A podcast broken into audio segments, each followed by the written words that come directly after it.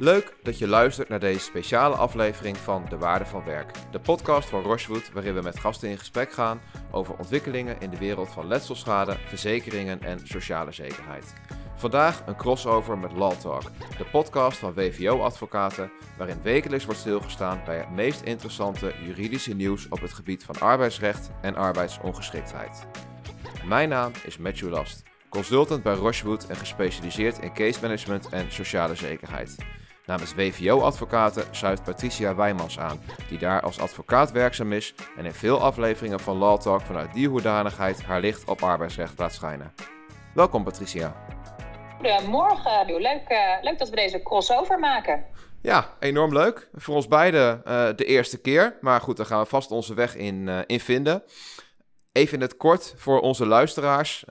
we zijn met elkaar in contact gekomen door een casus waarin een Rochewood professional door haar voormalig werkgever, net als Rochewood een detacheringsbureau, uh, werd aangeklaagd vanwege het vermeend overtreden van haar concurrentiebeding.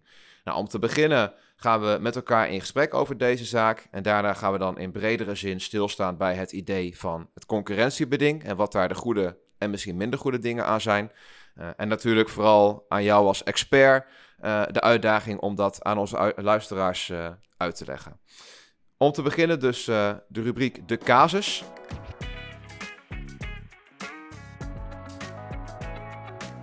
Kan jij dan eens om te beginnen, Patricia, voor onze luisteraars kort de casus schetsen? Zeker. Je hebt het net al eventjes uh, geïntroduceerd. Het gaat om een medewerker die inmiddels in dienst is uh, van Rochewood. Maar daarvoor werkte zij bij een andere detacheerder. Um, en daar, daar is zij in eerste instantie als, als stagiaire gekomen in 2016. Per 1 januari 2017 is ze daar in dienst getreden. Eerst voor bepaalde tijd, daarna voor onbepaalde tijd. Um, zij is begonnen met een opleidingstraject van twee jaar op het gebied van schade en inkomen. En opgeleid als schadeadviseur. Nou ja, daar, heeft zij, daar heeft zij drie jaar gewerkt. Er is een studiekostenbeding afgesloten voor de studiekosten. of in ieder geval voor een deel van de studiekosten. En tussen partijen was een concurrentiebeding overeengekomen. Um, nou wil ik allereerst eventjes juridisch duiden Um, dat dit gaat om gewoon een concurrentiebeding tussen een werkgever en een werknemer. Um, en omdat het hier om een detacheringsbureau gaat, wil ik heel even uh, stilstaan bij het feit dat hier het belemmeringsverbod van de WADI niet speelde. Um, in de, de WADI, de wet uh, allocatie arbeidskrachten en intermediairs, staat dat als je een, uh, een arbeidskracht ter beschikking stelt aan een inlener, dat je niet mag belemmeren, hè, die dan onder toezicht, onder leiding en toezicht van die inlener werkt, dat je die niet mag belemmeren om daarna in dienst te treden of een samenwerking aan te gaan met die inlener. Dat was hier niet van toepassing, uh, omdat één, de, de betreffende dame, de werknemster, werkte onder leiding en toezicht van het detacheringsbureau en niet van de inlener. En twee, omdat het hier niet ging om een, om een arbeidscontract met de inlener, maar met een concurrent, uh, in dit geval. Dus we hebben het hier nu niet over de WADI en over het belemmeringsverbod, maar de discussie tussen partijen ontstond echt over het concurrentiebeding. Uh, de ex-werkgever wilde echt voorkomen dat deze werknemster in dienst zou treden bij een concurrent van dit detacheringsbureau. Ja, dus als ik het dan even vat, stel Um, wij hebben een professional die wij uh, uitlenen aan een van onze opdrachtgevers. En uh, hij of zij wil bij die opdrachtgever in dienst treden. Dan mogen wij dat vanuit de WADI niet belemmeren. Uh, maar op het moment dat sprake is van een overstap van het ene naar het andere detacheringsbureau, dan gaat de WADI in deze context niet op. Nee, klopt, klopt. Um, dus dat is even uh, nou ja, dan, dan weten de luisteraars ook over welke situatie het precies gaat. Het gaat dus echt zuiver om een concurrentiebeding. Uh, en wat, wat had deze werkgever gedaan? Om het, om het concurrentiebeding extra kracht bij te zetten, had de ex-werkgever het concurrentiebeding gemotiveerd. Dus in de arbeidsovereenkomst stond eigenlijk precies waarom het bedrijf zo'n belang had bij het concurrentiebeding. Uh, en dat is uh, bij een arbeidsovereenkomst voor bepaalde tijd geldt in principe dat je geen concurrentiebeding mag overeenkomen, tenzij je dat motiveert. Maar het bedrijf had dus hier ervoor gekozen om het concurrentiebeding in de arbeidsovereenkomst voor onbepaalde tijd ook te motiveren. Dat is niet nodig. Um, sterker nog, daar hebben ze zich een beetje mee in de voet geschoten. Maar daar komen we zo nog even op. Um, maar goed, dus, dus er was een concurrentiebeding overeengekomen. En toen uh, de werknemster naar Rochewood wilde overstappen, toen, uh, toen gaf het bedrijf ook aan: ja, die overstap mag je niet maken, want je bent gebonden aan het uh, concurrentiebeding. Um, nou ja, daarvoor hebben ze zelfs moeten procederen. In eerste instantie bij de rechtbank en daarna zelfs bij het gerechtshof. Um, en hoe, het dan, hoe, hoe, een rechter dan naar zo'n zaak kijkt, is dat er eerst wordt gekeken: hè, één, is er überhaupt een rechtsgeldig concurrentiebeding overeengekomen? Uh, dat moet namelijk schriftelijk worden overeengekomen uh, en de werknemer moet meerderjarig zijn. Nou, daar was hier sprake van. De tweede vraag die dan beantwoord moet worden is: ja, schendt de werknemer met zijn of haar indiensttreding bij de nieuwe werkgever het concurrentiebeding? Dus ja, ben je wel een concurrent in de zin van het concurrentiebeding? Maar ook daarvan was de vraag: ja, ehm, dat is, dat is in, dit geval, in, in dit geval zo. Rochewood was een concurrent, is een concurrent. Dus de werknemster schendt in principe met haar indiensttreding het concurrentiebeding. De volgende stap is dan dat de rechter het concurrentiebeding kan vernietigen, indien in verhouding tot het beschermen belang van de werkgever de werknemer door dit, door dit beding onbillijk wordt benadeeld. Dus wat volgt is dan een belangenafweging tussen enerzijds de belangen van de werkgever en anderzijds de belangen van de werknemer. Tot zover helemaal duidelijk, uh, Matthew?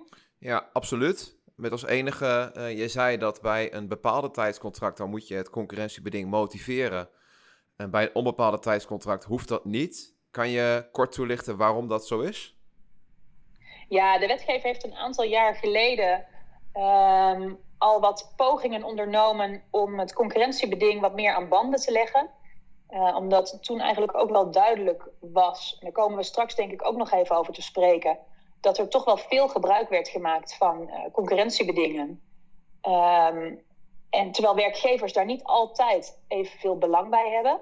En de gedachte was dat werknemers in een, ja, met een bepaalde tijdbeding, dat, dat, er, dat er een wat drempel opgeworpen moest worden om die werknemers te binden aan een concurrentiebeding.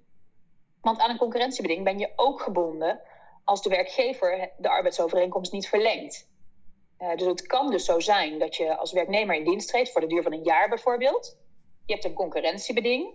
De werkgever zegt vervolgens: Ik verleng jouw contract niet. Maar vervolgens wordt die werknemer wel beperkt in het vinden van ander werk door dat concurrentiebeding. Uh, en daar heeft de, de wetgever een stokje voor willen steken door uh, in de wet op te nemen dat het in beginsel niet is toegestaan om een concurrentiebeding aan te gaan met iemand die voor bepaalde tijd in dienst treedt, tenzij je dit heel goed kan motiveren. Uh, dus, dus het is echt voor een rechtsgeldig beding noodzakelijk dat je uh, een motivering van je concurrentiebeding schriftelijk opneemt in de arbeidsovereenkomst. Helder. En dan een hele kleine zijstap betekent dat dan ook dat wanneer een contract voor onbepaalde tijd vanuit de kant van de werkgever wordt ontbonden, dat een eventueel daarin staand concurrentiebeding ook per definitie komt te vervallen? Nee, want in principe, uh, als je een contract hebt voor onbepaalde tijd, maakt niet uit waardoor de arbeidsovereenkomst eindigt, maar dat concurrentiebeding blijft in principe gewoon uh, van toepassing. Uh, tenzij je bijvoorbeeld als werkgever de werknemer onterecht op staande voet ontslaat. Dan komt het concurrentiebeding te vervallen. Maar bij een normale ontbinding of een normale opzegging, dan blijft het concurrentiebeding gewoon gelden. Ja, dus, dus een, een, tip aan de luisteraars wellicht. Mocht je tot een vaststellingsovereenkomst komen in zo'n situatie, kijk daar ook even naar. Want misschien heb je er wel baat bij om daarin op te nemen dat je het concurrentiebeding dan laat vervallen. Als ik tenminste als ja. zijnde leek dat advies mag geven. ja, nee, maar dat, dat, dat zie je ook heel vaak in eigenlijk altijd bij, bij onderhandelingen over een vaststellingsovereenkomst worden er, worden er afspraken gemaakt over wat doen we met het concurrentierelatiebeding. Uh, blijft dat in stand of, of worden daar afspraken over gemaakt? Helder. Nou, snel terug naar de casus. Je had ons meegenomen naar het, uh, het, het, het, verloop uh, in hoofdlijnen, waarbij je zei, uiteindelijk kwam de rechter tot de situatie waarin er sprake was van een belangenafweging tussen voormalig werkgever en uh, betreffende werknemer. Kan je ons vanaf dat ja. punt weer meenemen in het verloop van de zaak? Zeker. Um, aan de zijde van de werknemer is een van de belangrijkste belangen uh, het, het, grond, ja, het grondrecht uh, van vrije arbeidskeuze. Uh, je moet als werknemer ja, vrij zijn om te kunnen kiezen waar jij wil werken en wat jij doet qua werk. dus dat is een algemeen belang wat eigenlijk altijd opgaat voor iedere werknemer. Ehm, daarnaast heeft deze werknemster aangevoerd dat zij zich bij Rochewood kon verbeteren. Maar er was voor haar een, een positieverbetering mogelijk, omdat zij graag door wilde, door wilde groeien uh, tot letselschadebehandelaar. En die mogelijkheid was er kennelijk niet bij haar vorige werkgever, maar die mogelijkheid zou ze wel krijgen bij Rochewood. Um, en daarnaast zag ik in de stukken ook nog dat er privé nog iets speelde, in de zin dat zij mantelzorger was. En dat haar baan bij Rochewood ook wat beter te combineren was met uh, de privézorgtaken van, uh, van deze werknemster. Um, dus er waren gewoon een aantal, um, ja, een aantal aspecten waardoor deze werknemster die overstap graag wilde maken. Um, daartegenover staan natuurlijk de belangen van de werkgever. Uh, en de werkgever had in, het, in de arbeidsovereenkomst het volgende staan. Daar stond dat het concurrentiebeding uh, bedoeld was vanwege de specifieke kennis en kunde die de werknemer over haar netwerk, dus over het netwerk en de werkwijze van de werkgever, uh, zou verwerven in dienstverband.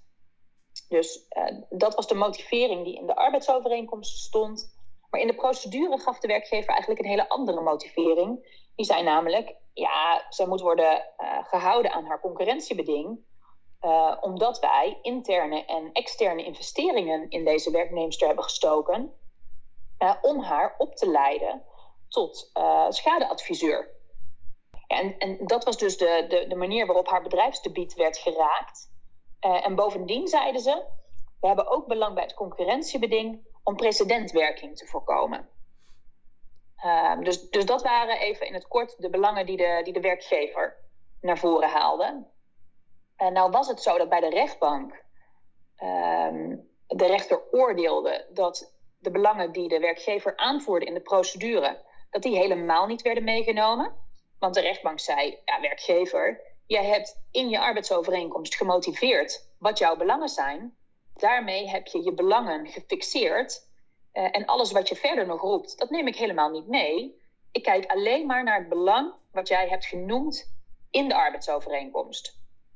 Op basis daarvan zei de rechtbank: de belangen van de werknemster wegen in dit geval zwaarder uh, en de vorderingen worden afgewezen. Werkgever was het daar niet mee eens, ging in hoger beroep en die zei: Ik denk ook terecht uh, dat de rechter ten onrechte niet naar de andere belangen heeft gekeken. Uh, en daarover zegt het Hof ehm, dat de ex-werkgever daar gelijk in heeft, maar door heel expliciet bepaalde belangen in je arbeidsovereenkomst te benoemen, zorgt wel dat, dat, dat die belangen worden gezien als de meest belangrijke redenen voor jou om een werknemer aan een concurrentiebeding te houden. Dus de argumenten die je daarna vervolgens noemt, die tellen wel mee, maar die leggen wel minder gewicht in de schaal. En ik denk persoonlijk ook dat dat de juiste benadering is hoor. Dat, weet je, je kiest er bewust voor om iets te motiveren in je arbeidsovereenkomst. Dat hoeft niet maar je doet dat als werkgever wel. Um, ja, dat betekent dus dat je dat kennelijk hebt gezien als de belangrijkste belangen om een werknemer aan een concurrentiebeding te houden. Um, dus, dus de rechter heeft eerst gekeken naar wat heeft, wat heeft die werkgever nou uh, aangevoerd in de arbeidsovereenkomst als belang om iemand te houden aan het, uh, aan het concurrentiebeding. Nou, dat ging dan over de specifieke kennis en kunde die zij zou verwerven over het netwerk van de werkgever en over haar werkwijze. En daar heeft het Hof dan op toegespitst van ja, maar wat was die kennis dan? Wat, waar, ging dat dan om? Ja, en, en op dat punt zijn ze eigenlijk tot de conclusie gekomen dat de werknemster was weliswaar als uh, um, een schadeadviseur ingezet bij een klant, een opdrachtgever van, van het bedrijf. Maar zij wist eigenlijk helemaal niet, geen bijzonderheden over het bedrijf ten aanzien van de, het netwerk of de werkwijze. Dus daar zat helemaal geen kennis die het bedrijfsgebied van, van de ex-werkgever kon schaden. Dus dat belang viel eigenlijk al weg. Um, toen vervolgens is de rechter toch gaan kijken naar ook de andere belangen die de werkgever heeft aangevoerd. Um, namelijk de investeringen die ze hebben gedaan. Maar daarvan zegt uh, het Hof, denk ik ook terecht: ja, investeringen die jij hebt gedaan, het is leuk, maar dat wordt deels opgevangen door het studiekostenbeding dat je met deze werknemer hebt afgesproken. Dus jouw investering is voor een deel gedekt door je studiekostenbeding. Um, en ten tweede, ja, is, het, um, is het niet zo dat het concurrentiebeding uh, bedoeld is om, investeer hè, om een investering in een werknemer te beschermen. Um, het, het, het, concurrentiebeding is. Eh, de rechter zegt zelfs expliciet van ja, weet je dat een werknemer kennis en ervaring opdoet bij jou als werkgever. Dat snappen we. Uh, dat als een werknemer overstapt naar een concurrent, ja, dan neemt een werknemer altijd kennis en ervaring mee. Uh, maar dat concurrentiebeding, dat is echt bedoeld om, om juist de werkgever te beschermen als de, als de werknemer hele specifieke kennis heeft van bijvoorbeeld jouw prijzen, je actuele prijzen, je actuele klantrelaties, jouw werkwijze, speciale technieken en zo. Dingen die een nieuwe werkgever juist op een voorsprong zouden kunnen zetten ten opzichte van de oude werkgever, als die werknemer zomaar kan overstappen en al die kennis eh, mee kan nemen. Maar niet voor deze situatie, niet, niet om een investering te kunnen uh, beschermen. Dus daar, ook daarvan zei de rechter, ja weet je, dit is niet waar het concurrentiebeding voor bedoeld is. Dus ook dat belang uh, werd eigenlijk van tafel geveegd. En tot slot um, uh, zei de, zei de uh, werkgever nog, ja, er moet ook, we hebben er ook belang bij dat deze werknemers wordt gehouden aan het concurrentiebeding, omdat daar een bepaalde precedentwerking van uitgaat. Uh, en daarmee hebben we dus eigenlijk bedoeld, ja, we willen deze werknemer gewoon aan ons binden. En we willen ook dat andere werknemers zien dat je aan het concurrentiebeding wordt gehouden. En dat je dus niet zomaar weg kan. En daar maakt het Hof ook korte metten mee, want daarvan zegt het Hof ook terecht, ja, maar daar is een concurrentiebeding ook niet voor bedoeld. Het is niet de bedoeling dat je met een concurrentiebeding werknemers aan jou vast kunt houden. Dus ook dat argument ging van tafel. Uh, en de belangenafweging viel dus uit in het voordeel van de werknemster. En zij mocht dus gewoon bij Rochewood in dienst treden. Ja, dus, dus dat over deze, over deze casus. Ja, nou, duidelijke, uh, goede samenvatting, uh, denk ik. Ook van hoe ik het zelf heb, heb beleefd als nou ja, enerzijds een buitenstaander, anderzijds betrokkenen. Als ik je goed volg, dan zeg je, nou, stel het concurrentiebeding zoals opgesteld door de ex-werkgever was van toepassing geweest op iemand in mijn functie. Dus iemand die de professionals bemiddelt, contacten heeft met de klanten, alles weet over de tarieven die we daarbij rekenen, een heel netwerk heeft opgebouwd, et cetera. Vervolgens de overstap maakt naar een andere uh, een detacheringspartij en daar met dat bestaande netwerk uh, een soortgelijke rol gaat uitoefenen, nou, dan zou het concurrentiebeding uh, wellicht een goede bescherming zijn geweest voor die betreffende ja. ex-werkgever. Ja, in dit ja. geval, gezien de rol van de werknemer, was dat niet, uh, niet van toepassing. En um, nou, wat ik mooi vind is ook wat je zegt over de precedentwerking. En, en um, nou ja, voor hen uh, een belangrijke reden om dit juridische gevecht aan te gaan.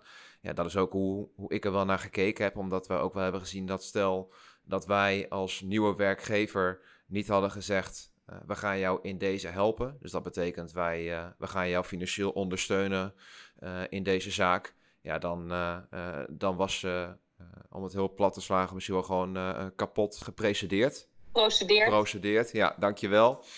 En dat is natuurlijk een situatie waar, uh, ja, waar een werkgever vaak tegenover een werknemer veel sterker in staat. En wat ook een risico is in deze context. Dus juist ja, de precedentwerking, ik ben blij dat hij in deze juist omgekeerd heeft, heeft gegolden, zo gezegd.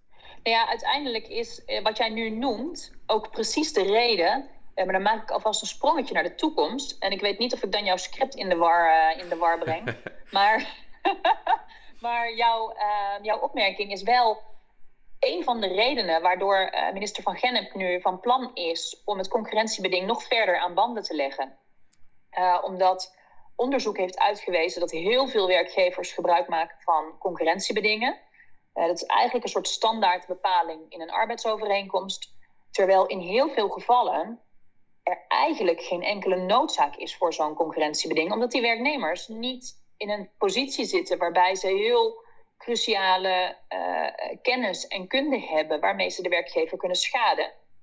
En veel werknemers dus toch een beetje bang zijn uh, voor en niet helemaal weten wat hun rechten precies zijn met het concurrentiebeding, bang zijn voor een procedure. Liggen vaak hoge, hoge boetes, worden er vaak gezet op schending van het concurrentiebeding. Dus ehm, ja, dit is wel een situatie waar de, werk, waar de wetgever mee aan de slag wil.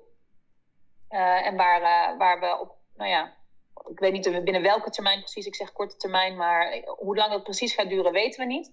Maar we weten wel dat er in ieder geval wetsvoorstellen in, in, in de maak zijn om, om het concurrentiebeding nog wat verder aan banden te leggen. Yes, nou ik zie het vooral als een mooie teaser richting inderdaad straks onze rubriek toekomstwaarde. En mocht je al te veel weggegeven hebben, dan knippen we dat gewoon eruit. Dus dat komt, uh, dat komt helemaal goed. dat valt denk ik nog wel mee. maar voordat we, daar, uh, voordat we daarheen gaan, uh, kort samengevat. Dus, dus deze uiteindelijke uitspraak waarin de werkgever in het ongelijk werd gesteld. En het werknemster vrij stond om bij Rochewood in dienst te treden. En ook via Rochewood ingezet te worden als interim professional. Nou, nu kan ik me ook voorstellen dat de detacheringsbranche, ja, dat is natuurlijk een, een, een vrij bijzondere uh, context waarin uh, dergelijke dingen plaatsvinden. Uh, dus laten we eens in bredere zin gaan kijken naar het concurrentiebedingen. Dat gaan we doen in de rubriek waardevol of waardeloos.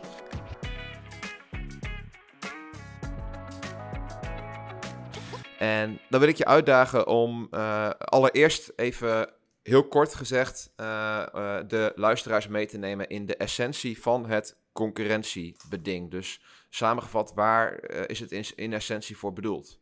Nou ja, in essentie is het bedoeld, en dat heeft de, de, het Hof ook echt al wel weergegeven. Het gaat er echt om dat de oude werkgever zijn bedrijfsgebied kan beschermen. Dus het gaat echt om werknemers die, die echt specifieke kennis hebben over, nou, kan zijn tarieven, klanten, werkwijze, innovatieve producten, dienstverlening. Eh, die, die echt zulke specifieke kennis hebben van het bedrijf, dat zij door een overstap de concurrentie eigenlijk op een oneerlijke voorsprong kunnen zetten. Ehm, dus daar, daar is het vooral voor bedoeld. Het gaat er ook om dat, zeg maar, als jij een, een tijdje uit dienst bent, zeg een jaar uit dienst bent, dat die kennis gewoon minder waard is. Inmiddels zijn, er, zijn de, tarieven al veranderd. Is er iets gewijzigd met de relaties vaak. Uh, en is die kennis niet meer zo heel belangrijk. Dus na verloop van tijd uh, is die werknemer minder, is, nou ja, kan die werknemer minder schade toebrengen. Ja, je noemt specifiek een jaar, omdat in de regel een concurrentiebeding een jaar uh, omvat, hè? Ja, je mag in, in, theorie mag je ook een langere termijn afspreken. En ehm, ik heb toevallig zelf een keer een zaak gedaan waarbij we een concurrentiebeding van anderhalf of twee jaar, dat weet ik niet meer helemaal zeker, uh, voor elkaar hebben gekregen. Maar dat, was, dat had dan ook echt een reden, omdat die offerteperiodes langer dan een jaar liepen. En die informatie die de werknemer over bepaalde offertes, prijzen, trajecten had, langer dan een jaar uh, actueel was. Uh, dus we hebben het wel eens een, langere termijn kan. Maar in de regel wordt in de rechtspraak aangenomen dat een jaar wel echt nou ja, de maximale termijn is voor een concurrentiebeding. Ja, en als je dan uitgaat van nou ja, die essentie, hè, dus het eh, beschermen van het bedrijfsdebiet. Um, wat, wat zijn dan de waardevolle elementen van een concurrentiebeding uh, in jouw ogen? Nou ja, als werkgever kun je daar um, uh, kun je de werknemer dus uh, ervan weerhouden om, om in dienst te treden bij jouw directe concurrent. en wat ik in de praktijk heel veel zie, is dat op het moment dat een werknemer dan toch wil overstappen naar een directe concurrent, dat zo'n concurrentiebeding in ieder geval een goede stok is om met elkaar in gesprek te gaan. Hè. Over het algemeen staat op overtreding van een concurrentiebeding een behoorlijke boete. Dus werknemers nemen, nemen dat beding serieus. Bovendien, ook voor nieuwe werkgevers kan dat beding best een, uh, een, een, een drempel opwerpen. Omdat als jij iemand in dienst neemt waarvan jij weet dat hij gebonden is aan een concurrentiebeding, dan maak jij mogelijk uh, gebruik van de wanprestatie van een ander. Uh, en dan kun je mogelijk zelf ook schadeplichtig zijn tegenover de oude werkgever. Dus over het algemeen wordt zo'n concurrentiebeding echt wel serieus genomen. Uh, en vaak is dat aanleiding om met elkaar gewoon goede afspraken te maken over, joh, je mag best in dienst treden, maar blijf dan in ieder geval van die en die en die relaties af. Um, soms wordt het geheimhoudingsbeding nog iets verder aangescherpt. Uh, vaak wordt er op maat een, uh, een afspraak gemaakt waarbij enerzijds de werknemer wel gewoon de overstap kan maken die hij graag wil, maar waarbij de werkgever wel specifiek kijkt naar welke afspraken heb ik nodig om mijn bedrijfsgebied in dit geval te beschermen. Dus daar, daar, is, een, daar is een concurrentiebeding echt nog wel uh, zinvol voor. Is het concurrentiebeding enkel zinvol voor de werkgevers of zit er ook nog iets waardevols in voor werknemers zelf? Nee, ik denk eigenlijk vooral voor de werkgever. Want voor de werknemer beperkt het natuurlijk gewoon zijn keuzevrijheid om, uh, om na dienstverband aan de slag te gaan. Dus voor een werk, werknemer zie ik daar niet echt een, uh, nou ja, een toegevoegde waarde in. Ik denk dat werknemers liever, uh, liever zoveel mogelijk vrijheid houden om na dienstverband uh, te doen wat ze willen. Ja, en nog even in de context van, van detachering. wij zien het concurrentiebeding met name als een manier om onszelf te beschermen tegen een situatie waarin bijvoorbeeld een professional ergens in opdracht is en een willekeurige andere detacheerder kan aankloppen. Luister, wij gaan jouw salaris uh, uh, verdubbelen, ik noem even wat. En uh, jij blijft gewoon in diezelfde opdracht bij diezelfde opdrachtgever actief. Dus dat ze als het ware ja, opdrachten letterlijk kunnen inkopen. Ehm, waarbij ja. we zeggen van ja goed, daar, daar moeten wij onszelf links of rechtsom toch tegen kunnen beschermen. En het concurrentiebeding is in ieder geval in onze ogen, tenzij ik nu volledig de plank missla en zometeen een heel ingewikkeld gesprek gaan moeten voeren hier, uh, is, dat, uh, is dat daar ook een goed middel toe. Ja, dat denk ik ook. Maar, daar heb je, maar, maar dan is je belang ook anders. Hè? In, deze, in deze casus die wij net bespraken, um, is de medewerker niet bij die inlener gebleven. De medewerker is gewoon echt naar Rochewood gegaan um, en is uh, meteen te werk gesteld bij een, bij een, uh, bij een opdrachtgever van, uh, van Rochewood, een andere opdrachtgever. Dus er, is geen, ja, er zijn geen klanten ingepikt in dit geval. Nee, klopt. En in die context geldt ook dat als je in een soortgelijke markt actief, actief bent, ja, dan zijn dan is er vaak een overlap tussen, tussen opdrachtgevers. Dus per definitie, zeker bij grotere organisaties, is dat gewoon per definitie aan de orde. Dus dat kan nooit een argument zijn, denk ik, om, om in die context het concurrentiebeding in te zetten. Tenzij het dus inderdaad letterlijk binnen de opdracht uh, die lopend is gebeurd. Ja. Als we dan kritisch kijken naar het concurrentiebeding. Je hebt natuurlijk al een paar dingen wel de revue laten passeren. Maar laten we hem even, echt even kop en staart pakken. Wat, wat is erop tegen? Nou ja, erop tegen is denk ik dat een concurrentiebeding vaak voor, voor, voor de verkeerde, om de verkeerde redenen wordt gebruikt. Uh, een concurrentiebeding wordt bijvoorbeeld gebruikt omdat de werkgever een investering heeft gedaan uh, die die, uh, die die graag eerst terug wil verdienen.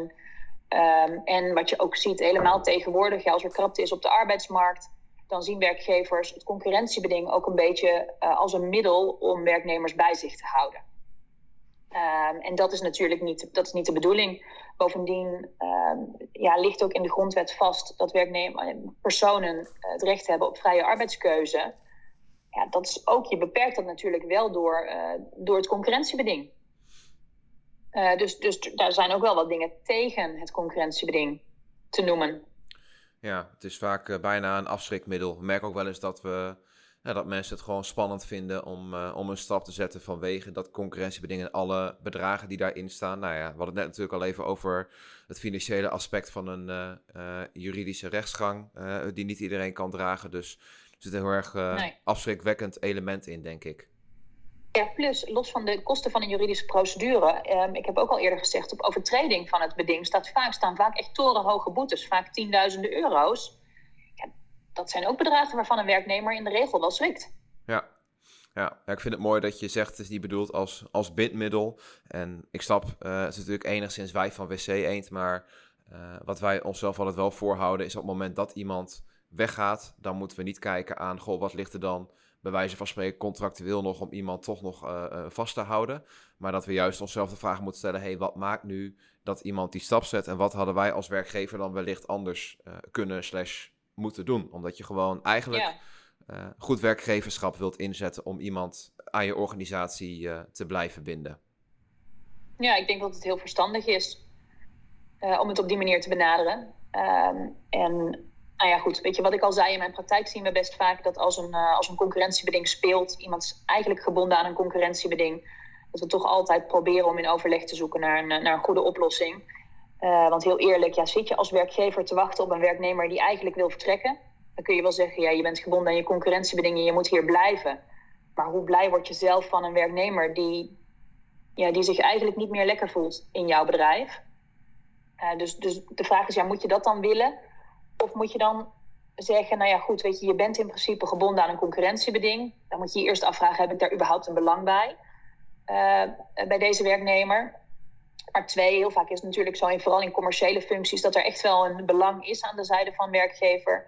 Ja, ga dan met elkaar in gesprek en zoek naar een oplossing waarbij je enerzijds jouw belangen kunt beschermen door goede afspraken te maken over een relatiebeding. En anderzijds, uh, nou ja, toch die werknemer dus wel de gelegenheid te geven om, uh, om over te stappen. Ja, duidelijk. We hebben het nu een aantal keer gehad over een beetje commerciële context, hè, dus uurtarieven en dat soort zaken allemaal, of financiële onderbouwing van, van bepaalde plannen. Uh, is in elk geval duidelijk dat wanneer een werkgever daar aanspraak op wil maken, dat hij dat dan heel erg stringent moet kunnen onderbouwen. Anders dan, ja, dan wordt het hem gewoon niet. Ja, en nog even voor de werkgevers een tip. Weet je, deze werkgever had, um, had het concurrentiebeding uh, in de arbeidsovereenkomst voor onbepaalde tijd gemotiveerd. Ja, ik zei het al aan het begin, daarmee heeft hij zich toch een beetje in zijn voet geschoten. Omdat door, de, door, door zowel de rechter in eerste aanleg werd er helemaal zwaar aangetild. Maar door het Hof werd er ook wel uh, veel waarde aan gehecht. Dus op dit moment is het nog niet vereist om een, uh, om een concurrentiebeding in een arbeidsovereenkomst voor onbepaalde tijd te motiveren. Ik zou dat nu ook nog niet doen. Uh, omdat die, nou ja goed, dan moet je dat nu van tevoren bedenken. Uh, terwijl je daar dus gewoon echt wel op vastgepind kan worden door een, uh, door een rechter. Ja, kan ik volgen. Het is denk ik niet zo dat als ze dat niet gedaan hadden, dat dan de uitkomst uiteindelijk anders was geweest, of wel? Nee, nee, want in dit geval hadden ze gewoon geen belang. Dus, of tenminste, ze hadden wel wat belang, maar niet, niet, niet zwaarwegend genoeg uh, ten opzichte van de belangen van de werknemer. Dus ik denk in dit geval zou het niet, niet heel veel hebben uitgemaakt. Maar uh, het, het lijkt me, nou ja goed, ik zou het in ieder geval niet gedaan hebben. En ook mijn klanten niet adviseren. Kijk, bij een arbeidsovereenkomst voor bepaalde tijd moet je dat doen. Uh, maar bij de arbeidsovereenkomst voor onbepaalde tijd in ieder geval nog niet. Dat kan mogelijk veranderen, maar op dit moment nog niet. Um, en dus zou ik het in ieder geval niet riskeren om die, uh, om die belangen nu al te gaan fixeren. Helder. Nou, je gaf net nog een, uh, een mooie tweede teaser richting de laatste rubriek waar we nu naartoe gaan, namelijk de rubriek toekomstwaarde.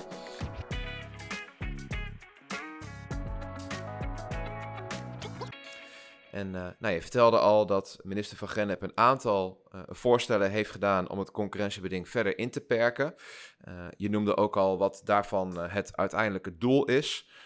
als we kijken naar de komende jaren, welke ontwikkelingen verwacht jij, Patricia? Nou ja, toevallig, minister Van Gennep heeft natuurlijk um, op 25 februari 2022 al wat, ja, wat, wat voorstellen gedaan van, joh, deze kant zou het op kunnen gaan op 2 juni 2023 is er nog een, uh, nog een brief geweest waarin zij heeft gezegd, nou ja, waarin zij in ieder geval haar voornemens een beetje heeft uitgewerkt.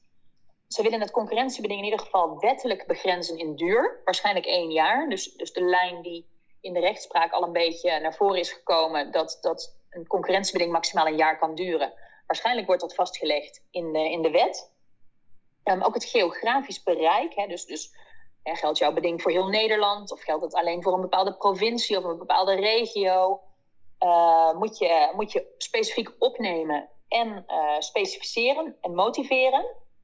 Ook bij uh, arbeidsovereenkomsten voor onbepaalde tijd ehm, zal, als het goed is, een motivering worden, moeten worden opgenomen. Dus, dus wat ik nu net heb gezegd, op dit moment hoeft het nog niet. Maar de kans bestaat wel dat ehm, dat het in de toekomst wel nodig is om ook je concurrentiebeding in de arbeidsovereenkomst voor onbepaalde tijd goed te motiveren. Um, en bij het inroepen van het beding zal, uh, zal de werkgever een vergoeding moeten betalen aan de werknemer. Enerzijds omdat de werknemer dus beperkt is in zijn, uh, in, in, ja, in zijn keuzevrijheid qua werk. Eh, door de werkgever, maar ook om, de, werk, om, de, de werkgever een soort van drempel te geven van, joh, weet je, is, is het concurrentiebeding jou zoveel waard dat je er ook echt een vergoeding voor over hebt om die werknemer even tijdelijk op de bank te zetten? Even voor mijn duiding. Uh, je zegt met het inroepen van het, uh, van het beding. Dat betekent, stel de situatie we net behandeld hebben. Um, uiteindelijk was de, de afdronk geweest dat werknemster de overstap niet had mogen maken dan krijgt zij daarvoor een vergoeding toegekend? Dan had zij een vergoeding kunnen vorderen. Dat kan al op basis van de, de huidige wetgeving. Maar uh, kennelijk wil de wetgever dus nu veranderen. Maar goed, we hebben geen wetsvoorstel nog. Hè? Dus hoe het, hoe het precies in het wetsvoorstel wordt, uh, wordt opgenomen, dat weet ik niet. Maar uh, de minister zegt er in ieder geval nu over: bij het inroepen van het beding zal de werkgever in beginsel een vergoeding moeten betalen. Dus dat lijkt erop dat dat nou ja, nu heb je de mogelijkheid om een vergoeding te vragen dan aan je werkgever.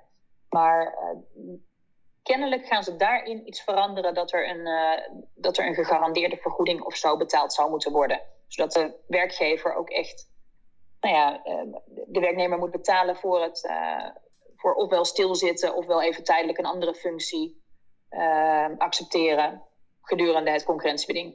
Ja. ja, volgens mij is het sowieso aan de orde dat bij casuïstiek zoals deze het ook vaak is hoe uiteindelijk de interpretatie van nou ja, de wetgeving is door rechters, uh, maar ook door werkgevers natuurlijk. Omdat, nou ja, wat ik gezien heb bij deze casus is dat er ook uh, jurisprudentie werd aangedragen en dat er nou, ook relatief weinig, voor zover ik weet in elk geval, jurisprudentie is uh, in, in deze context. En dat het dus ook als die ontwikkelingen er komen en er nieuwe wetten worden aangenomen, maar de vraag is wat uiteindelijk daarvan de afdronk zal, zal zijn. Ja, dat klopt.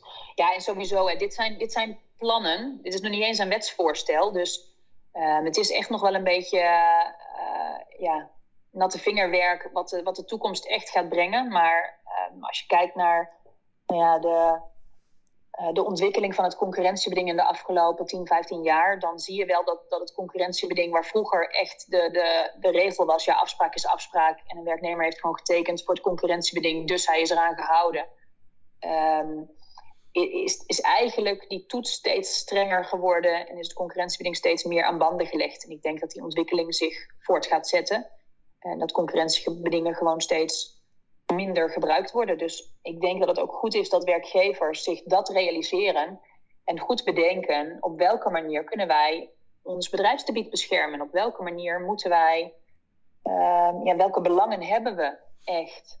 En op welke manier kunnen we dat beschermen? Bijvoorbeeld door geheimhoudingsbedingen, relatiebedingen, uh, studiekostenbedingen, dat soort uh, middelen. Ja, en dan is de, de rode draad eigenlijk door deze podcast heen dat uh, het, het, belang van de, van de werknemer, de keuzevrijheid in werk, dat dat voorop staat en dat het waarschijnlijk de komende jaren alleen maar groter gaat worden. En dat werkgevers er dus goed aan doen om te focussen op goed werkgeverschap, om op die manier mensen blijvend aan hen te binden. Ja, ja, dat denk ik wel, ja. ja. Dan kan ik niet laten toch nog één vraag stellen. Je noemde nu ook het relatiebeding. Uh, Concurrentie-relatiebeding, dat zijn van die begrippen die een beetje diffuus uh, zijn en ook wat door elkaar lopen. Kan je als uitsmijter kort het verschil schetsen daarin? Jazeker. Um, een concurrentiebeding beperkt de werknemer om bijvoorbeeld in dienst te treden of een eigen bedrijf op te starten. Dus de manier, echt bij een concurrent in dienst te treden. En het relatiebeding beperkt de werknemer om contacten op te nemen of te onderhouden met relaties van de werkgever. Dus um, als voorbeeld, um, nou, ik ben zelf in loondienst als advocaat. Um, ik heb geen concurrentiebeding, dus ik mag in dienst treden bij het advocatenkantoor, wat bij wijze van spreken op de hoek zit. maar als je een relatiebeding hebt, dan betekent dat dat je dus wel als advocaat mag werken bij de concurrent, maar niet dat ik gedurende een jaar bijvoorbeeld geen contact op kan nemen met de oud-relaties die ik bediend heb bij mijn werkgever.